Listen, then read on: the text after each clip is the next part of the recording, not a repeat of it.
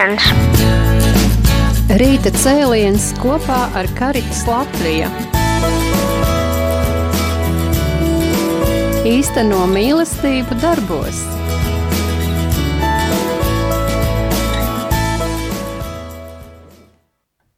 Labrīt, darbie radio klausītāji! Kārtējā otrdienas raidījumā Rīta cēliens kopā ar Karitas Latviju. Un prieks uzrunāt jūs šajā īpašajā nedēļā, klusajā nedēļā. Un mēs turpināsim savu raidījumu ciklu par mm, žēlsirdības darbiem. Un pie mums studijā šodien viesojas priesteris Renārs Birkovs, kurš kalpo arī Rīgas svētās trīsvienības draudzē, kurš garīgi aprūpē arī Rīgas pirmo slimnīcu. Labrīt, priester Renāri! Labrīt, lai top slavēsies Kristus! Mūžīgi mūžos! Un arī dzan esam kopā ar Karitas Latvija biroja vadītāju Annu Ežvērtiņu. Labrīt, Anna! Labrīt! Un, lai mūsu raidījums tiešām būtu Dieva godam, tad es aicināšu priesteri iesākt šo raidījumu ar lūkšanu. Dieva tēva un dēla un svētā gara vārdā.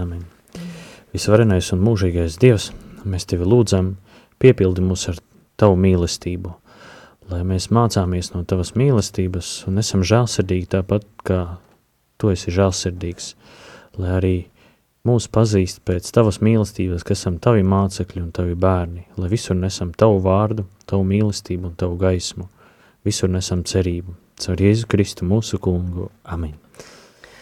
Amen. Jā, paldies uh, Dievam, ka mēs varam būt viņa bērni un uh, tiešām izplastīt uh, debesu valstību šeit uz zemes un uh, būt viņa godam un daudziem cilvēkiem par svētību. Un, uh, Renār, eh, tad varbūt pastāstiet eh, par jūsu kalpojumu.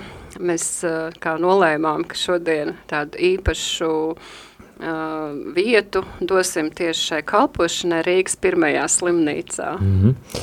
Jā, pirms varbūt pat nepilniem diviem mēnešiem arhibīskaps Zbigņevs man palūdza uzņemties kalpošanu Rīgas pirmajā slimnīcā. Un kā jau visās slimnīcās, arī Rīgas pirmajā slimnīcā, tas kalpojums arī ir bijis, nav tā, ka viņš nekad nav bijis, un no dažādām draudzēm šī slimnīca dažādos laikos ir bijusi apkalpota. Un, eh, protams, eh, pandēmija, kas bija, tā arī atstāja savu iespaidu daudzās slimnīcās, arī Rīgas pirmajā slimnīcā, kur nebija tik vienkārša pieeja brīvprātīgajiem pie slimniekiem, nebija tāpat arī varbūt iespēja svinēt svētās mises, apmeklēt cilvēkus, proti tā apmeklēšana, ja piešana pie cilvēkiem slimnīcās, viņa bija ļoti ierobežota, un, un protams, pēc pandēmijas jau lēnām mēs sākam jau atgūties, un ir šī atkal šī iespēja kalpot slimnīcās, iet pie šiem slimajiem cilvēkiem, dot viņiem šo garīgo stiprinājumu, dot Dieva žēlstības caur sakramentiem, un pats galvenais svinēt šo euharistiju, šo kunga augšām cel, nāvis un augšām celšanās noslēpumu, kas ir visas mūsu ticības sākums un virsotne, un visas baznīcas dzīves sākums un, un virsotne. Un tāpēc arī kādu laiku arī Rīgas pirmajā slimnīcā bija pārtrūkusi šī, šī kalpošana un dažādu iemeslu dēļ, un tad pateicoties arī Karitas Latvija gādībai, arī par šo slimnīcu, par to, ka viņi arī meklēja iespēju, lai šajā slimnīcā notiktu šis kalpojums, tad arī viņi vērsās gan arī pie arhibīskapa, vai varētu kādi, kādā veidā risināt šo, šo jautājumu, un tad, protams, arhibīskaps lūdza man uzņemties šo, jā, šo svētīgo pienākumu, apkalpot Rīgas pirmo slimnīcu. Kā jums soka šai kalpojumā? Šodien būs pirmā svētā mise pēc ilgāka laika, un tad arī būs šodien pulksten trijos, tāpat arī kuri būs, kuriem būs iespēja slimnīcas pacientiem vai darbiniekiem ierasties uz šo svēto misi. Tāpat arī būs iespēja viņus apmeklēt palātās, tie, kuri ne, nevarēs piedalīties svētajā misē, bet vēlēsies vai nu kādu garīgu, garīgas pārunas vai saņemt sakramentus, tad šāda iespēja arī būs. Šodien mēs to sākam un ik mēnesi uz doto brīdi ir paredzēts, sākot ar šodienu, katra mēneša pirmā otrdiena. Tad, tad Būtu katra, tas dievkalpojums. Katra mēneša pirmajā otrdienā Rīgas pirmā slimnīcā, kurā vietā? Uh, Slekam bija 17. korpus, un tur ir tāda arī sēžu zāli, kura uz to brīdi tiks pārveidota par kapelu, kur notiks dievkalpojums. Mm, brīnišķīgi. Vai arī slimnieku piederīgie var apmeklēt? Uh, tieši tā, ja viņi ir tajā brīdī arī slimnīcā vai atnākuši apciemot savus tuviniekus, protams, ka viņi ir ļoti, ļoti lepni gaidīti, ja vien viņi to vēlas. Jā, kā tu jūties šajā kalpošanā? Uh, nu, patiesībā kaut arī šodien pirmā diena man Rīgas slimnīcā, bet kalpošanas slimnīcās man ir ļoti bagāta pieredze tā pazemīgi atzīstu. uh, jo es jau esmu desmit gadus kā priesteris, jo, nu, būšu 8. jūnijā, būšu desmit gadi kopš man ir priesterībā, un manus pirmos priesterības četrus gadus es kalpoju Rīgas svētā Jēkaba katedrālē, un uh, jau tur man sākās šis kalpojums – slimnīcās, gan onkoloģijas centrā, gan Gailezerā, gan Biķernieku slimnīcā, tāpat arī pansionātos, un patiesībā vairākas reizes mēnesī, var sakot, ja katrā slimnīcā un pansionātā ir vienreiz mēnesī dievkalpojums, jeb šī kalpošana, tad, var sakot, katru nedēļu bija, bija kāda no šīm kalpošanām. Un, eh, un protams, ka šī, šī pieredze ir ļoti laba, dod arī pašam tādu garīgu stiprinājumu, kaut arī no paša ļoti garīgi tas paņem, jo, protams, tur ir tās situācijas, kurās mēs redzam cilvēkus, tās nav patīkamas, jā, un ja mēs ienākam slimnīcā, un tad tur reizēm, kā jau man patīk pajautāt, kā jums klājas, un tad saka, nu, kā šeit var klāties, parasti atbildi ir, bet, bet, protams, ir arī cilvēki, kuri ļoti priecīgi sagaida un tā tālāk, un daudz un dažādas ir šīs situācijas, un, un, un, Un, jā, un šī pieredze ir ļoti svētīga. Runāties ar šiem cilvēkiem, būt ar šiem cilvēkiem. Un man ļoti lielu gandarījumu šajā kalpojumā sagādā tas, e, protams, nav kā piemērs un tā tālāk, bet um, atnāk palātā pie cilvēka, kurš katolis, bet nav ļoti ilgi bijis pie grēks, gadu desmitiem pat ir bijuši tādi, jā. jā. Un tagad, lūk, ir iespēja. Viņš arī to gribētu. Un, Protams, ka tas nenozīmē, ka neviens var, var, var 30, 40 gadus neiet pie grēksūdzes un gan jau slimnīcā kāds aizies.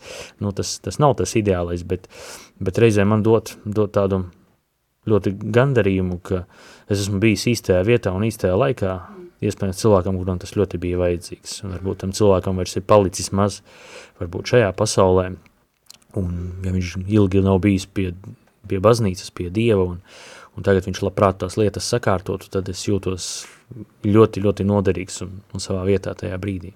Un es domāju, ka tas ir Dieva darbs un noderīgs kā, kā Dieva instruments, ar kuru Dievs izdara šo lielo darbu šī cilvēka pestīšanā, šī cilvēka dzīvē.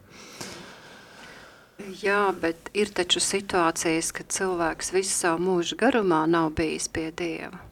Kā ir ar šādām situācijām? Uh, Arī tādas situācijas slimnīcā, slimnīcās ir nācies sastapt. Protams, ir tādi cilvēki, nē, es nekad neesmu bijis baznīcā, viņš ir brīvprātīgie vai Marijas leģions, tie kalpotāji, kas staigā pa slimnīcas palātām un ka viņiem piedāvā, ka atnāktu priesteris parunātos vismaz ar viņiem, tad viņi saka, nu es visu mūžu tur neesmu gājis, ko es tur iešu.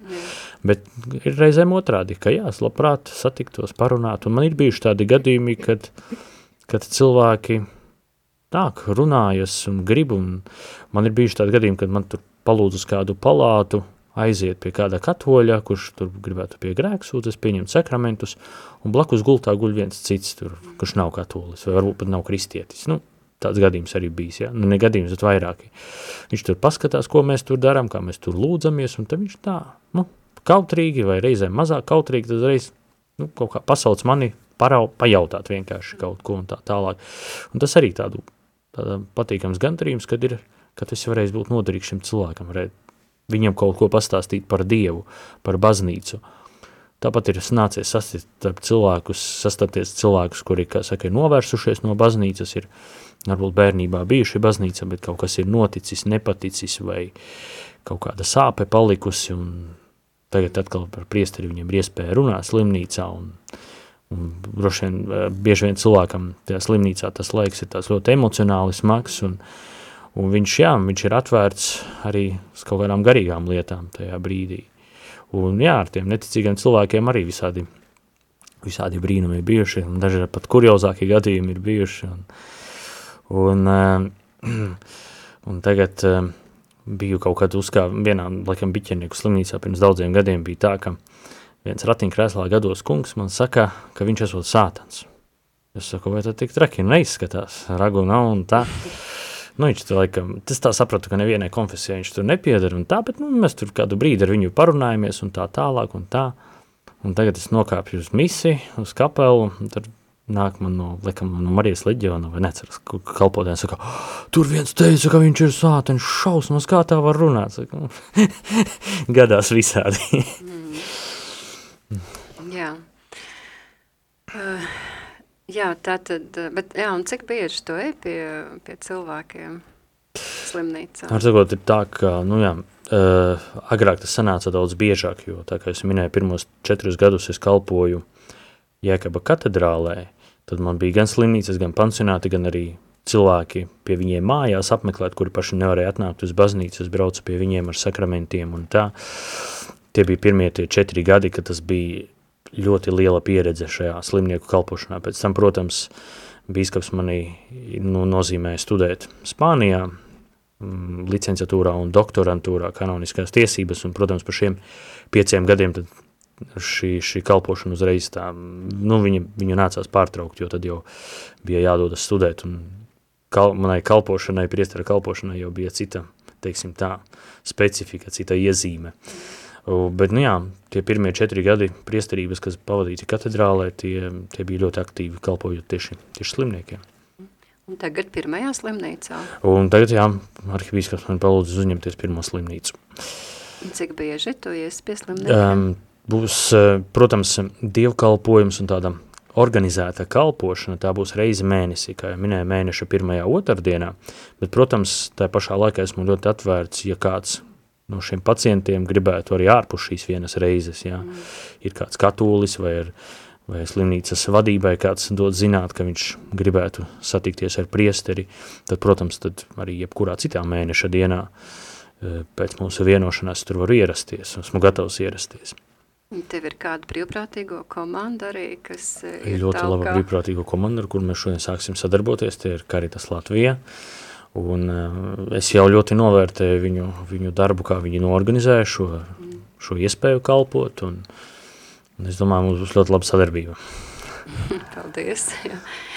Tad uh, mēs, protams, turpināsim sarunu ar uh, priesteri Renāru Birkavu, bet uh, lūkšu arī Annu Ežvertiņu tagad pastāstīt par kādiem jaunumiem, un kas tev, Anna, ir sakāms?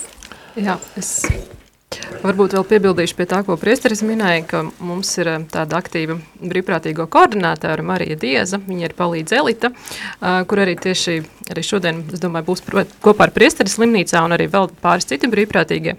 Un ja kādam ir vēlme piebiedroties šim kalpojumam, tad esat laipni gaidīt, varbūt tiešām tas arī jūs klausītāji uzrunāja. eh, šī, šī iespēja nest citiem dievu tādā veidā, kā priesteris to stāstīja, palīdzēt palīdzēt būt kopā un cilvēkiem satikt viņu, tad arī varat ieskatīties mūsu mājaslapā www.karitas.lv un tur arī atrast kontaktu informāciju, telefonu, ar ko sazināties un, un arī varbūt tās pievienoties šim kalpojumam. Bet par to, ko minēja Judīta, tad es vēlētos pastāstīt par uh, mums, uh, mūsu organizācijas izsludināto žēlsirdības projektu konkursu, uh, kurš arī veiksmīgi noslēdzās 31. martā. Paziņojām rezultātus, Tie ir atrodami mūsu mājaslapā, un tad varbūt tās pastāstīšu arī par, tam, par tiem projektu pieteikumiem un, un saturu, kas, kas nu, kādi nu, tiks projekti ir paredzēti realizēt.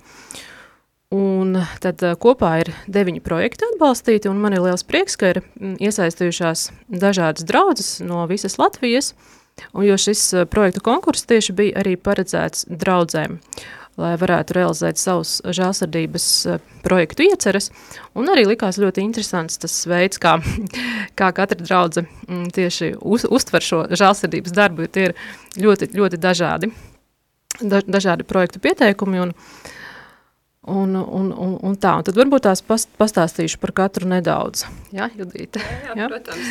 Uh, tad pirm, varbūt, nu, tad viņi nav tādā secībā, kas iesniegta vai uh, apstiprināta, bet vienkārši, kas man pirmie ir sarakstīts. Uh, Cēsu Romas katoļu draudz ir mm, iesniegusi savu pieteikumu, un arī, nu, šie visi pie, pieteikumi, par ko mēs runāsim, ir apstiprināti. Uh, tas ir tādas piekļuva iespēja, uh, tiks dota iespēja izveidot piekļuvi cilvēkiem ar īpašām vajadzībām baznīcā, vai arī vienkārši, kas brauc ar ratiņiem, bērn, bērnus, kurus ved māmiņas. Tad, nu, tas ir vairāk tāds tehnisks projekts, bet, protams, arī kā tas mērķis ir palīdzēt cilvēkiem, cilvēkiem kuriem iekļūt baznīcā, kuriem to pašiem tik viegli nav izdarīt. Otro reizi mūsu projektu konkursā piedalās arī Līksnes draudze, Un tāpat arī kā iepriekšējā reizi, projekts ir izskatās ļoti, ļoti jauks un interesants. Un, uh, projektā tiks iesaistīti bērni, seniori. Tas notiks vasaras laikā. Tā kā arī jauki, ka tāda, var teikt, kā tagad šis vārds moderns sinerģija, jā, gan, gan bērni, gan seniori. Uh, viens no otra var mācīties un bagātināties. Un, um, Projektā ietveros ir paredzētas eh, gan garīgas aktivitātes, eh, gan arī ekskursija uz Bruknu, Kalnu svētību kopienu, um, arī apmeklēt citus bērnus eh, Krāslavas un Aglonas draudzēs. Tā kā, mm, nu, ceram, noteikti zinām, ka būs, būs lielisks, lielisks izdevies projekts. Arī ļoti interesants projekts ir Siguldas katoļu draudzē. Varbūt jau ir kas no klausītājiem varbūt atcerās par to tika minēts jau vienā no iepriekšējiem raidījumiem šeit pie, pie Judītes. Un tas ir eh, jau, es domāju, tiks realizēts jau ļoti drīz. Un uh, tas ir arī tiks realizēts sadarbībā ar biedrību cerību spārnim, uh, kur uh, tagad cilvēki ar īpašām vajadzībām, jaunieši ar īpašām vajadzībām, viņi sagatavos tādas būrīšu sagatavas, un pēc tam ģimenes atkal, tas būs tādā īpašā dienā, es nepateikšu, kurā datumā, bet kaut kad jau aprīlī kad viņi šos būrīšus tad arī, tur būs lekcija paredzēta speciāli, un tad arī būrīši tiks, tur, nocakot, jau novest līdz tādai, tādai, tādai kārtībai, ka viņus varēs arī jau pielikt pie, pie koka, ja? bet tajā laikā būs arī, vēl, tajā visā aktivitātē vēl būs iesaistīti arī grašu bērnu, ciemata bērni paredzēts arī, ja, iesaistīsies gan bērni no ģimenēm, gan arī bērni no šī, šī grašu bērnu ciemata, un tā kā arī kāds vēl seniors, kura pie, varbūt pie senioru varēs arī kā to būrīt uzstādīt, nu tā kā arī, lai tiktu veidotas šī tāda paudžu sadarbība. Tā, divi projekti ir, kas iesniegti ir saistībā ar žēlstarības vakariem, gan Jēkapilī, gan arī iecavā. Tā kā nu, līdz, līdzīga tāda žēlsirdības vakara, žēlsirdības projekts kaut kā tā sasaucās. Ja?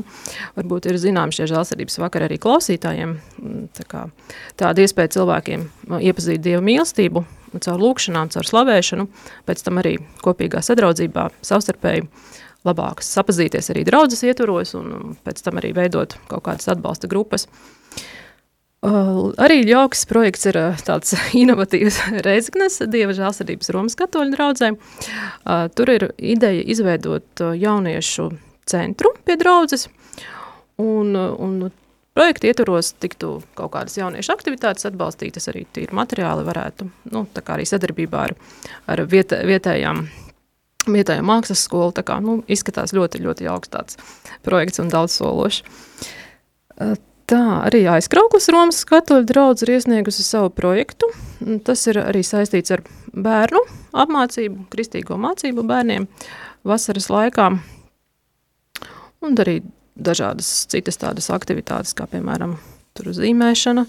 Noslēgumā arī paredzēts uh, savstarpēji tāda dalīšanās šajā, šajā pieredzē, vasaras tādā apmācību pieredzē, mm, arī koncerts. Uh, Tā, tad uh, arī ir projektiņu iesnieguši Ilūgstes uh, katoļu draudze, un uh, tā projekta mērķa auditorija ir seniori, kas dzīvo uh, veselības centrā Ilūgste. Un tie ir kādi 23 cilvēki, kur arī tagad daudz, nu, ilg, ilgsaušu laiku bija, kad, kad Covid bija, tad arī kaut kur vairāk telpās un, un netik ļoti ār, ārpusē. Un tad uh, dot viņiem iespēju izbraukt, izbraukt turpatās uz Latgali, un, un arī tādās kopīgā lūkšanā, kopīgā sadraudzībā būt kopā. Un eh, tad, kā no pēdējo no projektiem, es varu pieminēt Daugavpils svētā Pētera ķēdēs draudzes iesniegto projektu, kas ir ģimeņu diena Daugavpilī. Nu, tad uh, mērķa auditorijai būtu ģimenes, daudz bērnu ģimenes, uh, kur arī tiks viņiem nodrošināts dažādas atrakcijas un vienkārši kopā pavadīts jauks laiks un arī noteikti tādā savstarpējā, savstarpējā mīlestībā un sadraudzībā, tas viss izvērtīsies. Tas būtu tik daudz par projektiem. Jā, paldies, Anna. Ļoti plašs uh, izklāsts un tiešām daudz brīnišķīgi projekti. Un paldies uh, draudzēm droši vien, ka ir aktīvas un uh, domā par, par savu draudzi, par par arī nu, šādu sadarbību starp uh, dažādām vecuma grupām. Um, tu minēji, ka ir iesniegti projekti, bet uh, kā cilvēki var sekot, kur viņi var uh, sekot līdzi par, par uzsākšanu, par realizāciju, par iesaistīšanos un viss, kas saistīts ar turpmāko darbību? Šos žēlsirdības projektu konkursus mēs izsludinām tādās kārtās, un iepriekšējā kārta bija rudenī, pagājušajā gada rudenī. Šī kārta bija jau izsludināta kā, kaut kur ap gavēņa laikā, laikam gavēņa sākumā. Un, un tad nākamo mēs plānojam, ka varētu atkal būt kaut kur pirms adventa, varbūt oktobris, novembris, nu tas laiks, un ja runa par tādu iespēju sekot līdzi, tad tajā pašā mūsu jau minētajā mājaslapā karits.lv vai arī parasti šo informāciju visu arī nododam tālāk. Katols.lv tiek eh, arī sociālajos tīklos painformējam, tā kā tur var sekot mums līdzi šai informācijai. Mm. Paldies! Un uh, pirms mēs turpinam sarunu, paklausīsimies dziesmu, un uh, mēs vienojāmies uh, ar priesteri, ka būtu ļoti vietā kāda dziesmā latgaliešu valodā, jo priesteris Renārs pats ir no Latgales, uh, Un tātad dziesmā Aglonas bazilika kora izpildījumā. Viņi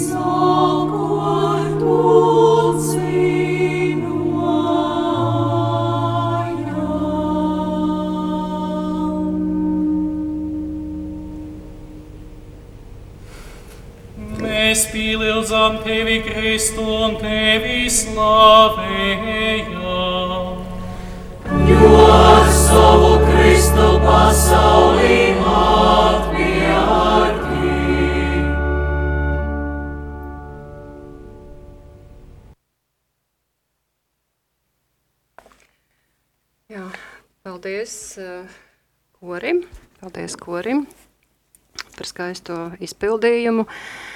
Jā, es solīju, ka mēs atgriezīsimies pie sarunas ar priesteri Renāru. Un, eh, jā, man tāds jautājums, eh, kā eh, slimnīcas, nu, slimnīcā esošie cilvēki vai viņu tuvinieki, kā viņi var sazināties ar tevi vai ar komandu, ar brīvprātīgo komandu? Uh, Visdrīzāk tas ir tāds, ka katrā slimnīcā arī savs kapelāns, kas ir nu, sociālais, sociālais darbinieks tajā slimnīcai, kā valsts slimnīca. Viņš ir viens no slimnīcas darbiniekiem. Es neesmu slimnīcas darbinieks. Bet slimnīcas kapelāns neatkarīgi no konfesijas, bet viņš ir kādai konkrētai slimnīcai kā atbildīgā kontaktpersona. Bieži vien viņš ir tas, kas rūpēs par to garīgu atbalstu slimnīcā.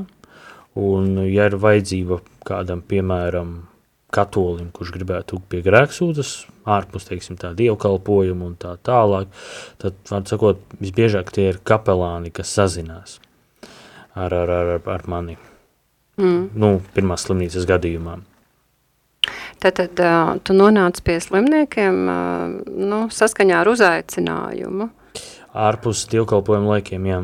jā. Bet tad, kad ir kalpošanas diena, Mm. Tad, tad tie ir brīvprātīgie no Karitas, vai citā mm. reizē tie ir mm. reizēm Marijas leģions. Bet, nu, pirmā slimnīcā šies ir Karitas eh, komanda, brīvprātīgo komanda, kuri apzina, apziņo cilvēkus, pajautā, vai kāds vēlētos šodien tikties ar priesteri un, un tādā veidā. Tas ir tad, kad ir kalpošanas dienas. Bet ārpus tā laika, vai caur slimnīcas, vai, teiksim, tā caur nodaļas vadību, vai caur kapelānu, tā mm. komunikācija notiek. Mm. Jā, teiksim, kāds... Vai arī, piemēram, ir kāds, kurš mani personīgi pazīst, un mans numurs viņam ir, viņš, protams, var arī pat, pats patiešo zvanīt, vai viņa, vai ģimenes tuvinieki, vai ne, tas tā arī ir bijis, mm. jo Manas iepriekšējos kalpošanas gados un dažādās slimnīcās ir bijušas reizēm, kad man kapelāns vai kapelāne, slimnīcas kapelāne zvana pie tāda vai tāda vajadzētu apmeklēt, bet ir reizēm tādi, kuriem ir mans numurs, viņu ģimenes piederīgie, viņi ar mani patiešo sazvanās, un tad mēs, mm. tad mēs um, piekamies, ja? vienojamies par laiku, un es viņus apmeklēju. Un tad uh, kāds no slimnieku istabiņas uh, palātas tevi uzaicina, un tad uh, pārējie, kas ir šajā palātā, ir savu veidu izredzētie, jo viņiem arī ir iespēja tikt pie sarunas ar tevi. Jā, ja vien viņi to vēlas, un um, reizēm jau tā, nevisai reizēm tā lielām acīm paskatās. Bet viņiem ir iespēja, ja? jā. jā. Un, uh, Mm. Nu, tev ir ārkārtīgi liela pieredze šajā kalpošanā, esot uh, pie slimniekiem, arī pansionātos, kā tu teici, tad, tad arī bērnu slimnīcā tu esi gājis un, un tu esi daudz redzējis un droši vien piedzīvojis ļoti daudz uh, skumju un, un asaru un Um, bet, uh, jā, varbūt tev ir kāds tāds piemērs, varbūt kāds spilgts piemērs, ko tu gribi pastāstīt. No, ir viens tāds ko es atceros vienā pansionātā. Eh, protams, eh, man liekas, to esmu daudziem stāstījis, un ja kāds mani pazīst no klausītājiem un jau to ir dzirdējis no manis, tad vēl nedaudz pacietības vēlreiz izstāstīšu. es tiešām dalos ar to, ar to piemēru, jo viņš liekas tāds tiešām, nu, kā sīkums, bet ļoti īpašs.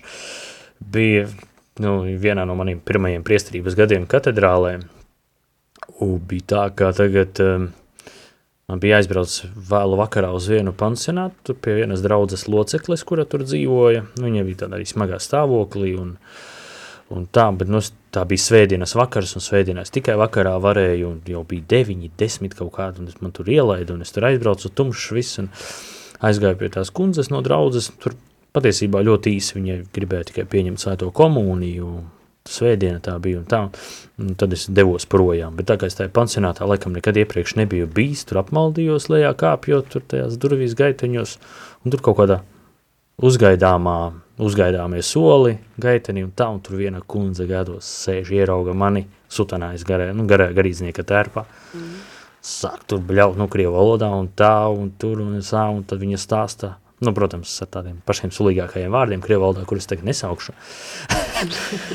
un, un, un tad, un viņa saka, ka viņa tur komuniste ir ateista no Ukrainas, un tā, un šitā, un, un tā, un es tā, domāju, nu, aiziešu, pārjautāšu, ko viņa teica. Es tur apsēdos, viņai pretī, pēc tā dīvāni, viņa tā, nu, viņa tāda gadu, tiešām gadu, pāri 80 gadiem viņai bija, un uz kruķiem bija un tā, un tad sāk stāstīt, kādi jūs te vispār, vispār šeit Latvijā tādi, šitādi un tā, viņa tur atbrauc, un tur apmēram 5-10 minūtes viņa tur visu kaut ko sāka stāstīt par savu dzīvi, kā tur no Ukrainas atbrauc uz Latviju un tā. Un tad viņai tur tā jautāja, jūs, es pēc tam izdomāju, tā kā jau viņa no, nomierinājās, viņa jautāja, varbūt, uh, arī kristīt esat. Jā, jā, kristīta pareizīgā, vecmāmiņa ļoti ticīga bija tā, jā, jā, un tā. Un tad, nu labi, es tur tā paklausījos, parunājāmies, ceļos kājās, un, nu labi, laimīgi ar Dievu tā, tā laipni atsveicinājāmies. Mm. Kaut arī tas sākums pirms tam piecām minūtēm mm. bija pavisam savādāks. Un, un tieši tajā brīdī es sapratu, cik svarīgi ir. Nu, tur dažas minūtes vienkārši apsēsties pie tā cilvēka un mm. viņu laikam uzklausīt. Un, jo, kā saka, katram tie dzīves stāsti ir dažādi un mm. kas, kuram tur galvā tajā brīdī notiek un kādi pārdzīvojumi, tas ir mm. pārējais. Un, mm. un, um, arī tā ir žālsirdība, veltīt to laiku uzmanību. Mm. Nevienmēr tas, tas cilvēku uzrunā, bet ir ļoti daudz reizes, kad cilvēks mm. nedaudz savādāks paliek. Jā, nu tu kā Dieva vīrs, jā, kā Dieva garas svaidītais, protams, pienāca ar savu mieru, jo acīm redzami bija ārkārtīgs satraukums šai sievietei, un droši vien dzīve nav bijusi no mhm. vieglākajām, daudz pārbaudījumu, un, bet nezinu, kāda tev ir pieredze, bet es esmu ievērojis dzīvē to, ka, ka faktiski Jo, nu, tad, kad cilvēks ir, eh, nu, dusmu pilns, jā, šīs negācijas pilns, ka viņš nav savas dzīves laikā varējis izpaust savas negatīvās emocijas, uz ko viņš izgrūž šīs emocijas, uz tiem, faktiski, kas nedos pretī. Tātad uh, cilvēki, uh, kuriem var uzticēties, nu, apzināti vai neapzināti, ja, bet uh, nu, tā ir tā, tas ir tas drošākais veids, ja.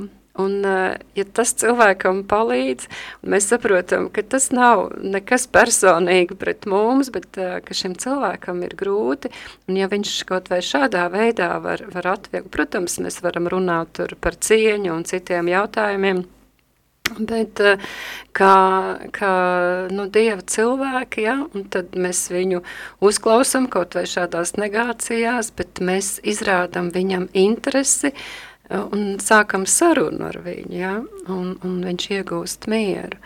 Un te ir tas, ka mēs centrā uh, redzam cilvēku, nevis mēs skatāmies uz to apstākli, ja? nekad nav patīkami, ja nu, uz tev paceļ balsi vai izgrūž kādas negācijas par, par lietu vai ne par lietu, ja? bet nu, tomēr tad, jā, mums vienmēr ir arī lūkšana, ja, un mēs ieliekam šo cilvēku vai cilvēkus Dieva rokās, un jā, Jā, jo, Kādi ir tavi novērojumi? Es domāju, ka tas pirmais, kā mēs ieraugām cilvēku, jā, kā jūs teicāt, un tad arī tas, ka ļoti arī pašam redzēt tajā cilvēkā to Dieva attēlu un līdzību, mm -hmm. pēc kura viņš ir radīts, jo katru jā. cilvēku Dievs ir radījis tāpēc, ka viņš viņu grib.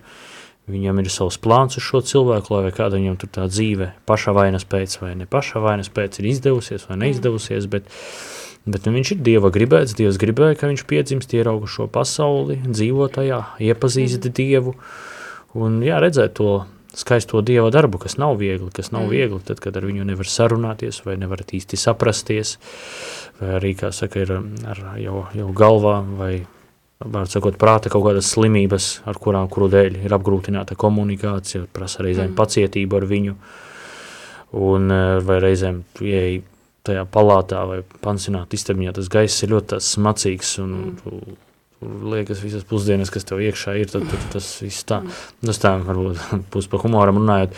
Un nevienmēr ir viegli atcerēties šo Dieva darbu, Dieva plānu, Dieva mīlestību, un jā, tas ir tās, tās liels izaicinājums atcerēties par to Dieva darbu, Dieva mīlestību un Jēzus vārdus, kur esiet žēlsirdīgi, tāpēc, ka jūsu debesu tēvs ir žēlsirdīgs. Un tāpat arī ieraudzīt šajā cilvēkā arī tādu kā savu brāli, savu māsu, savu tuvinieku, kā tā mm. apmēram censties ar viņu apieties tāpat, kā tu apietos ar kādu savu tuvinieku. Mm. Un tas arī, tas viss eh, veido šo kopumu. Jā, paldies eh, par šiem brīnišķīgiem vārdiem. Tātad ieraudzīt centrā nevis vienkārši cilvēku, bet cilvēku, kas ir radīts pēc Dieva tēla un līdzības, jo mēs visi tādi esam radīti, ja? Nekā, nekādā citādā veidā. Un, uh, tas mūsu aicinājums ir dalīties ar uh, tuvākajiem mīlestībā. Es zinu, ka Anna arī tev par šo ir ko teikt. Jā, paldies, Judīte. Uh, mēs te pirms redzījuma nedaudz runājām par gavēņu īsto jēgu, par to, ka gavēnis ir tāpēc, lai atgrieztos pie Dieva. bet, bet arī dažkārt tas varētu būt saistīts ar kaut kādām atsacīšanām tīri materiālā veidā.